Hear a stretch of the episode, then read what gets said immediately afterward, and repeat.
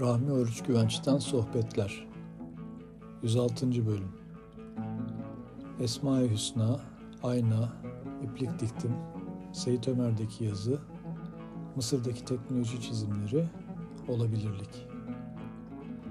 Rahmi Oruç Güvenç'in 23 Nisan 2010 tarihinde Ankara'da yaptığı sohbetin Emre Başaran tarafından yapılan ses kaydının birinci bölümü.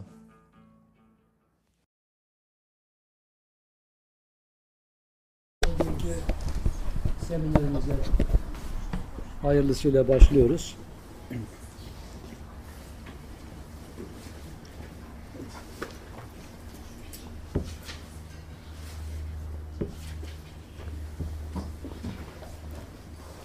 Müzik ve hareket terapisi ve insanlığın yüksek değerleri diye özetleyebileceğimiz bu seminerler dizisinin bir diğerinde yine madde ve mananın birliğindeki denge haline yönelik bir yolculuğa çıkıyoruz.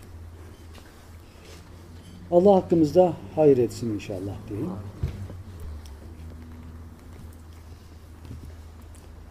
İnsanlığın yüksek değerleri dediğimiz zaman dünkü konuşmamızda da işaret etmeye çalıştığımız gibi geniş görüş, ileri görüş, çok boyutlu varoluşun idrakı gibi kavramlar zincirine ulaşırız. Yine bir konuyu tekrar edelim. Hz. Peygamberimiz bu aleme alemlere rahmet olarak gönderildiği için daha ilk adımda alemler ile karşılaşıyoruz. Denmiyor ki sadece güneş sistemine veya dünyaya rahmet olarak geldi. Alemlere. Burada büyük bir çoğunluk düşüncesi ve ibaresi var. Onun için makro ve mikro görüş itibariyle biz bize tahsis edilen bu zaman boyutunda maddi imkanlar nispetinde nereye varacağımızı idrak etme yönünde ne kadarlık bir güce sahibiz. Bunu sorgulamaya başladığımız zaman karşımıza ilk Adem'e verilen imkanlar çıkar. Hazreti Adem'in oluşması gerek ruh boyutunda gerek beden boyutunda ona tevdi edilen Esma-i Hüsna'nın kalitesi ve anlamlarıyla yoğrulmuş bir imkan, imkan potansiyelini bize gösterir. Bu imkan potansiyeli Allah'ın güzel isimlerinin zuhur mertebeleri olan canlılık aleminde veyahut da eşya aleminde müşahede edilebilecek e, bilgi seviyeleri karşımıza çıkarır bu anlayış. Dün bir örnek vermiştik. Mesela canlılık. Hücre boyutunda, ak yuvar, al yuvar boyutunda çok kısa zaman boyutuna ihtiyaç göstermekle bir galaksinin ömrünün milyarlarca yıl olduğu düşüncesine vardığımızda birden makro boyutta çok uzun bir yaş, yaşama boyutuna ulaşıveriyoruz. Bu bizi sonsuzluğa, ölümsüzlüğe götürebilecek bir imkandır. Düşüncemizi kademe kademe geliştirerek o Esma-ül Hüsna'daki bilginin gücünü, sonsuzluğunu en azından kabul etme durumunda oluruz. İnkar değil, eleştirme değil, şüphe değil. Ha, böylesine büyük bir e, imkan ve kudret boyutu olduğuna ikna olmaya başlarız.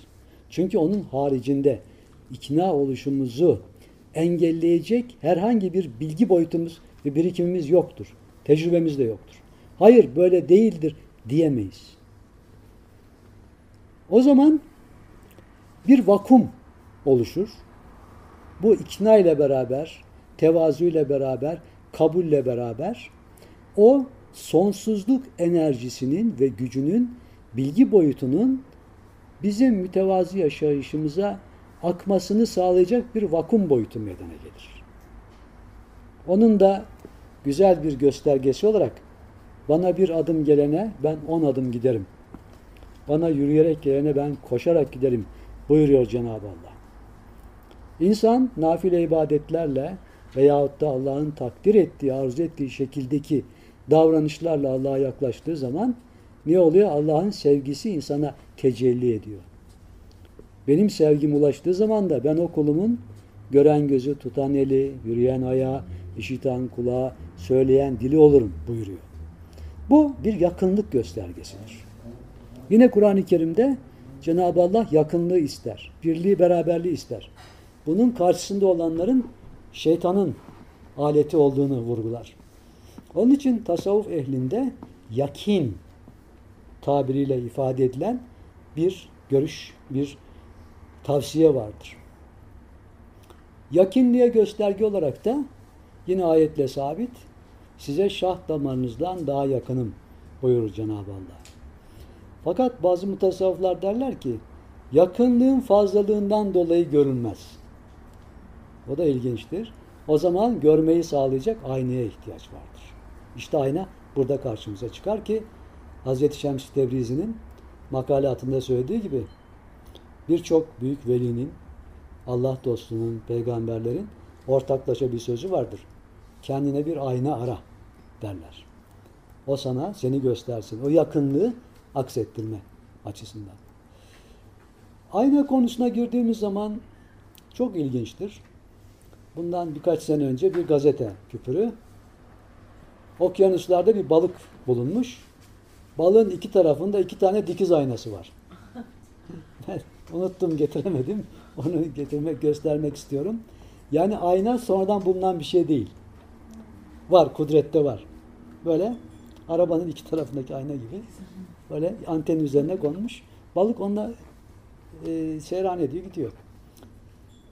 Ve ayna boyutu konusunda da kainatın oluşması yönündeki hipotezlerin içinde ayna hipotezi de var. Ona ait bir takım argümanlar de sunulmuş. Onu merak edenler, bilhassa fizikçiler bu konuda detaylı bilgiye ulaşabilirler. Daha önce bir iplik teorimiz vardı. Hatırlarsanız onu da şimdi tekrar etmek istiyorum. Özellikle yeni gelenler için ilginç olacak. Efendim hikaye şöyle bir, birka, birkaç dakikanızı alacağız bunu anlatmak için.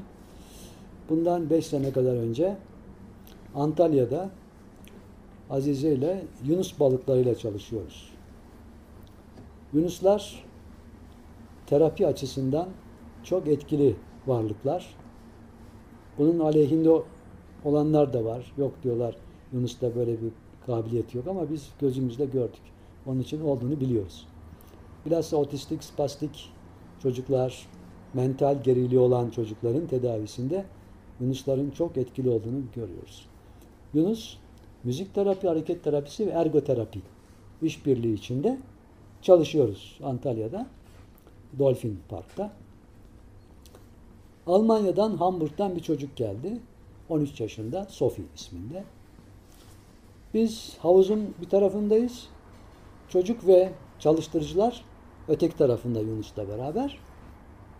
E, çocuk girdi suya. Üzerinde tabi koruyucu bir elbise var. Batmasını engelliyor. Ama ayakları yere basmıyor. Otistiklerde de böyle bir durum var. Onları endişelendirici, korku verici şeylerden biri emniyet duygusu. Ve balıktan da korkuyor herhalde Yunus'tan. Azize balık denmesi taraftar değil. Yok diyor Yunus diyor memeli hayvandır, balık değildir diyor. Neyse tartışıyoruz. Biz de diyoruz Yunus balığı denir. Neyse kabul ediyor ama içten içe devam ediyor. Ondan da korkuyor filan. Biz tabii yatıştırmak için güzel müzik yapmaya çalışıyoruz elimizden geldiğince. Bütün maharetimizi ortaya koyuyoruz ama aldırdı yok. Kız çığlık çığlığa bağırıyor, ağlıyor. 5, 10, 20, 25 dakika böyle. Yani seansta hiçbir olumlu gelişme yok. Ne yapalım dedik? Biz buna özel bir terapi uygulayalım. Müzik terapi. Nerede? Otelde. Otel sahibesi de Alman. E, tanıyorlar birbirlerini. E, müsaade istedik. Öğleden sonra otelde bir terapi seansı yapıyoruz. O kız Sophie, annesi, erkek kardeşi, otel müdüresi, Azize ben. Başladık. Kopuzla, neyle? Bir 10-15 dakika geçti. Bizim icra ettiğimiz şeylere kızın hiçbir tepkisi yok. Şunu da söyleyeyim. Bu otizm onun doğuşunda olan bir olay değil. Bir herpes virüsü çok küçükken onun beynine işlemiş ve ondan sonra bu olay ortaya çıkmış ve doktorlar kesinlikle yaşayamayacağını söylemişler çocuğun. Fakat annenin gayretiyle, Cenab-ı Allah'ın takdiriyle çocuk yaşamış. Yürümeyi öğrenmiş, yemek yemeyi öğrenmiş. Ama onun haricinde davranışları tamamen otistik çocuk davranış. Hiçbir tepkiye cevap vermiyor. Peki, sanki biz yokuz orada. Bizimle ilgilenmiyor. Bizim de ağrımıza gidiyor biraz. Ya bir şey yapıyoruz orada. Yok. Neyse, hep bir devam ettikten sonra ben bir şarkıya girdim. Kazak Türklerinin bir şarkısı.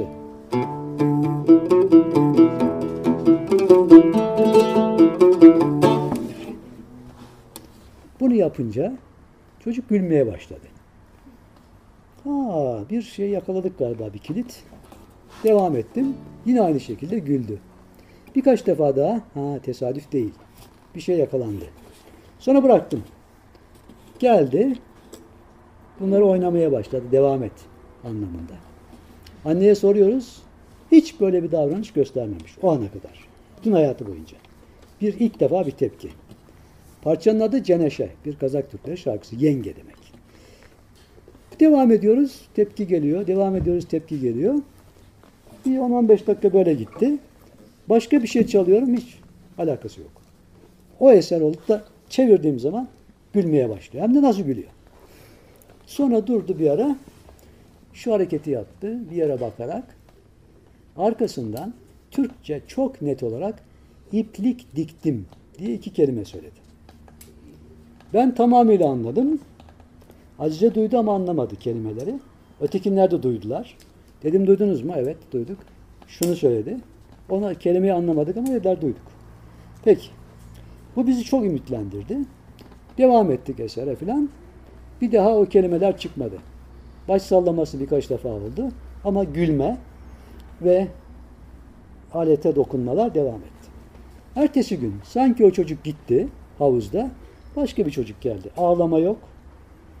Efendim haykırma, bağırma yok. Yunus'a dokunuyor. Gayet güzel her şey yolunda. Biz seansta devam ediyoruz. Aklıma geldi ya bir iplik diksek nasıl olur diye. Ben bunu çalmaya başladım. Döndü baktı gülmeye başladı. Sesin geldiği kaynağı da biliyor. Aa, yakaladık. Biraz sonra Azize iplik diktim diye bağırdı. Bu defa tamamıyla döndü. Onu öyle anladık. O günden itibaren e, den, plajda denize girmeye başladı. Daha önce denize girmiyormuş, korkuyormuş. İki gün sonra abisinin, erkek e, abisi tabii, doğum günü vardı at çiftliğinde. Karşılıklı aynı masada oturduk.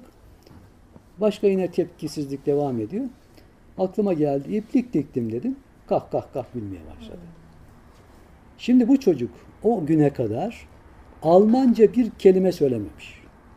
Ağzından bir söz çıkmamış. Türkçe iki kelimeyi nasıl söyler ve nasıl telaffuz eder? Bu üzerinde çok dikkatle durulması gereken bir olay. Şimdi burada bir insanlığın yüksek değeri kavramı çıkıyor karşımıza. Bu Türk dili olabilirdi, oldu. Almanca da olabilirdi, İspanyolca da olabilirdi, Arapça da olabilirdi. Türk e, dilinde söylemiş olması bizim bir iftihar vesilemiz. Ama başka bir dilde de söylese, Almanca söylese bile çok olağanüstü bir olay. Burada bir yüksek değerle karşılaşıyoruz. Bu yüksek değer bizi nereye götürüyor? O çocuğun genlerinde veya yapısında bu kelimeler var. O çocuğun yapısında bu kelimelerin yanı sıra davranışlarını etkileyecek pek çok başka anahtarlar da var. O anahtarlara ulaşıldığı zaman o kapılar açılır. İşte buradan hareketle Kütahya'nın Seydömer kazasına geçiyoruz şimdi. Ha onu da söyleyeyim. Bir sene sonra bu çocuğu ziyarete gittik Almanya'da, Hamburg'da. Annesi odasını ipliklerle don donatmış ve diyor çok büyük gelişmeler oldu. Hatta bir internet sitesi kurmuşlar Sofi adında. İsteyenler bu siteye girebiliyor ve bütün bu olaylar orada anlatılıyor. Biz ileride bunu bir kitapçık haline getireceğiz. İplik kitabı diye. Sonra işte Hawkins başta olmak üzere de dünyanın daha doğrusu kainatın yapısı hakkında fikir ileri sürenlerin teorilerinden biri iplikçik teorisi. Kur'an-ı Kerim'de Ali İmran suresinde Cenab-ı Allah Allah'ın ipine hep beraber sımsıkı sarılın, tutunun diyor. Acaba buradaki Allah'ın ipi nedir? Ve sımsıkı hep beraber niye davet ediyor? Bakın ayrılık yok. Birlik, bütünlük daveti var. Önce konuştuğumuz gibi. Ve sımsıkı tutunmak çok çok önemli. Bunların üzerinde düşünmek gerek. Efendim oradan e, geçiyoruz Seyd Ömer kazasına. 1992 yılında Seyd Ömer kazasında e, kömür elde ediliyor. Toprak kazılarak, dağlar kazılarak ve 24 saat projektörlerle aydınlatıp kömür elde ediliyor. Bir gün akşam Graider'in bıçağı kırılıyor. Bıçağı kırıldığı için o grider çalışmıyor. Bekletiliyor sabaha kadar. Sabahleyin tamirciler geliyor. Sabah ışıklarıyla beraber tamirciler geldikleri zaman yerden 30 metre yükseklikte, 1 metre genişlikte, metrelerce uzunlukta e, kömür tabakasının üzerinde bir tabaka görüyorlar. Üzerinde yazılar var. Hemen Tavşanlı Belediye Başkanı arıyorlar. Diyorlar ki fotoğraf makinesi, video makinesi ne varsa al da gel çabuk. O geliyor, onları resmediyor. Videonun orijinalini sana bulduk. Ee, ve diyor ki kendisi, o belediye başkanı, ben diyor varınca okudum diyor, Bismillahirrahmanirrahim yazılıydı. Sonra çevre şartları sebebiyle yavaş yavaş bu yazı kayboldu. Mevcut yazılar biliniyor. Sonra ben o kaseti buldum. Çeşitli mercilere başvurdum bunun okunması için. Bir hattattan bir okuma geldi. Allah görünmek için neşet eder. Yani görünmeyi sağlar veya görünmeyi arzu eder tarzında tam tercümesi yanımda değil.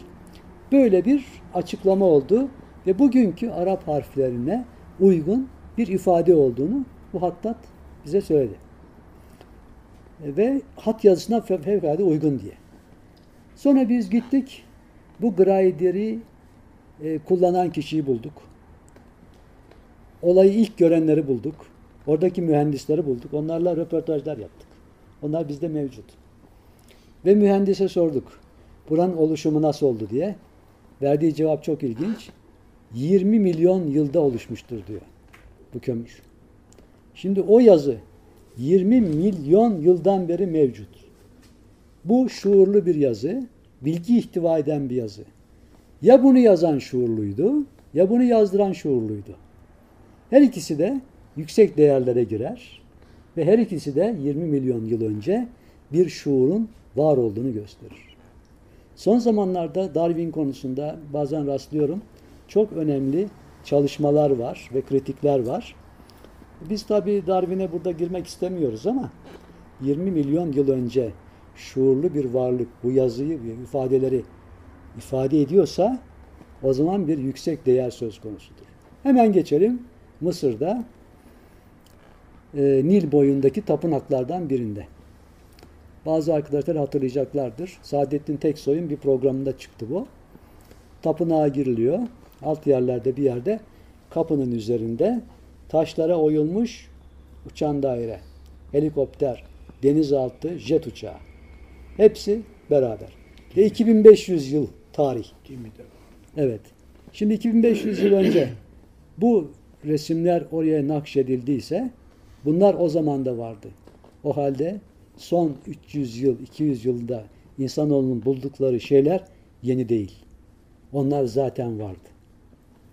İşte bundan hareketle insandaki imkanın sonsuzluğuna vardığın zaman Hazreti Ali'nin bir sözüne de ulaşırız. Sen kendini küçük bir alem zannetme diyor. Alem sende dürülmüştür. Sen insanı kebirsin. Büyük alemsin. Alemi kebirsin.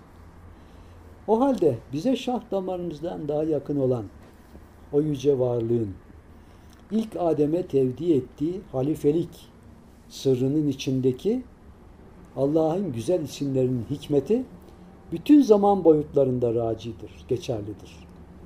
O bakımdan bu hikmete ulaşmaya çalışan insan o bilginin üzerinde sonsuzluğa gidebilir, sonsuz bilgilere ulaşabilir. Bu imkanları biz tartışmaya ve anlamaya başladığımız zaman tasavvuf erbabının şu sözüne ulaşırız. Her şey, her an, her şekilde olabilir. Buna ulaştığımız zaman kendimizi şartladığımız deterministik düşünce ve davranışlardan uzaklaşırız. Olabilirlik tarafına varırız.